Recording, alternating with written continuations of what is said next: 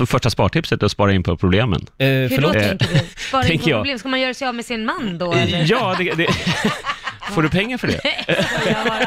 Är han på Alla, tänk, Ja, alla tänker göra sig av med sin fru. Det var inga. Nej, men, nej, men, men eh, det verkar som att alla är lika förvånade varje år, eller i alla fall de som är utan pengar, att det blir en jul även i år.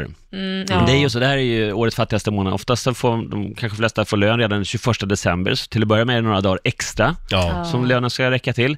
Plus att det då är jul och nyår förstås med allt vad det, ja. Mm. vad det kostar. Och extra lediga dagar där man bränner pengar. Så, att, eh, så det blir första, med andra ord, planera. Så nästa år, om du nu sitter där Mm. och har eh, fyra kronor kvar på kontot och, och tre dagar till lön kvar, så eh, känn efter hur det känns och bestäm dig att du inte ska hamna där nästa år. Så det är väl första Ja. spartipset. Bra, jag skriver upp det direkt. Jag ska försöka komma ihåg det nu i 12 månader.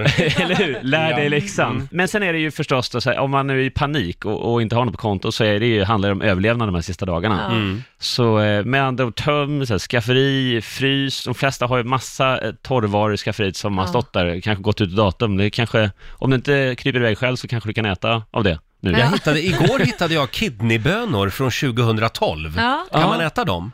Eh, Svara, svara! jag skulle kunna göra det.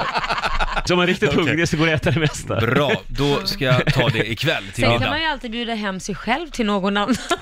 Ja! Eller hur? Jag tänkte också så här, ja, men till mamma och pappa eller någonting, om man har så Ja. att du, den där middagen som ni har bjudit på, det skulle passa rätt bra imorgon kväll faktiskt. Så det kan ju vara ett sätt. Kräva tillbaka gamla skulder, ni pratar Ja. swish-skulder för ett här, Just eller, det. Ja. Kanske läget. Du, hur vart det med den där 500 Det är lappen? bra. Hade vi något mer? Ja, men jag tänker att man skulle kunna dela in lite som sagt på kort sikt och lite mer på lång sikt. Det finns ju Ja. spartips för att inte hamna här igen också. Eh, och eh, nummer ett, att verkligen dissekrera sin, eh, sina fasta kostnader. och Så här. De flesta vet ju vad de får in i lön och vad- eller vad de får ut i lön varje månad. Mm. Och de fasta kostnaderna för boende och sådär. Men sen, vad allt annat tar vägen.